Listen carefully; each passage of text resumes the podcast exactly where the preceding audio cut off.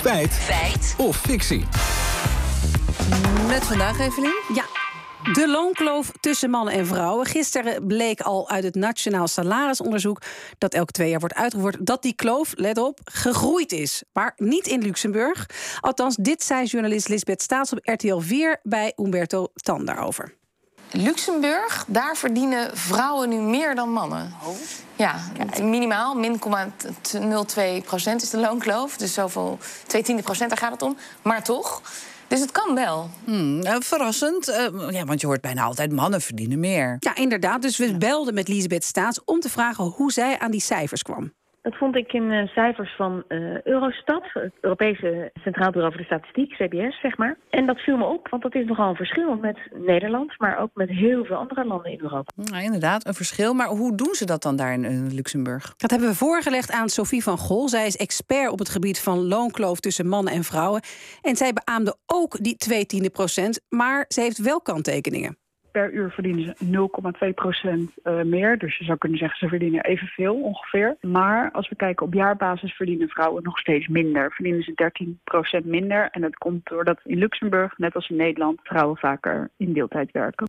Ah, dan heb je die deeltijd weer. Dat geldt dus blijkbaar ook in Luxemburg. Uh, ja, en in Nederland, dat hoorden we gisteren, daar groeit de loonkloof. Volgens dat Nationaal Salarisonderzoek wel. Maar Peter Heijn van Mulligen, hoofdeconoom bij het CBS, die wil ook een kanttekening plaatsen daarbij. Baseren zich op een enquête en houden daarbij ook uh, ja, maar beperkte rekening met allerlei kenmerken die van invloed kunnen zijn op de uurlonen die uh, mensen verdienen, het soort baan, het bedrijfstak waar ze werken. Dat doen wij in onze cijfers wel. Bovendien baseren wij ons op ja, eigenlijk vrijwel complete data over uurlonen van werknemers die, we, die we tot onze beschikking hebben. Dus dat maakt die methodes lastig te vergelijken. Ja, dus een, een, andere onderzoeksmethode daar bij het CBS. Ja, en volgend jaar komen de cijfers van het CBS over de loonkloof van 2023. Maar daar kan hij nog niks over zeggen. Gaan we terug naar Luxemburg. Want wat doen ze daar dan zo anders dan hier?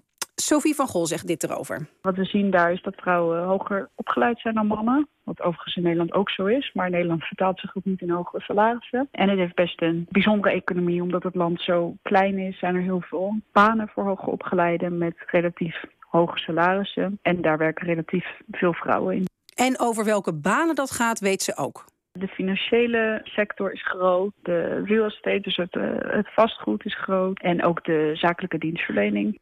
Hmm, maar die loonkloof tussen vrouwen en mannen in Nederland, gaat die ooit nog gedicht worden? Maar in het tempo waarmee dat nu gaat, zal het volgens Peter Heijn van Mulligen nog wel heel erg lang kunnen duren heel veel te maken met uh, keuzes die mensen maken. En die keuzes worden natuurlijk ook ingegeven door uh, ja, maatschappelijke verwachtingspatronen, opleidingen die uh, mensen kiezen. Keuze voor parttime werken of fulltime werken. Want ja, de beter betaalde banen zijn over het algemeen fulltime functies.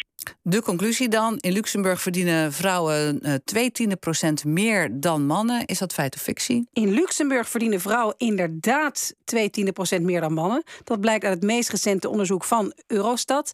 En dat gaat alleen wel over het uurloon. Op jaarbasis verdienen mannen ook in Luxemburg meer. Het heeft ermee te maken dat vrouwen, net als in Nederland, meer parttime werken. Maar per uur is het een feit.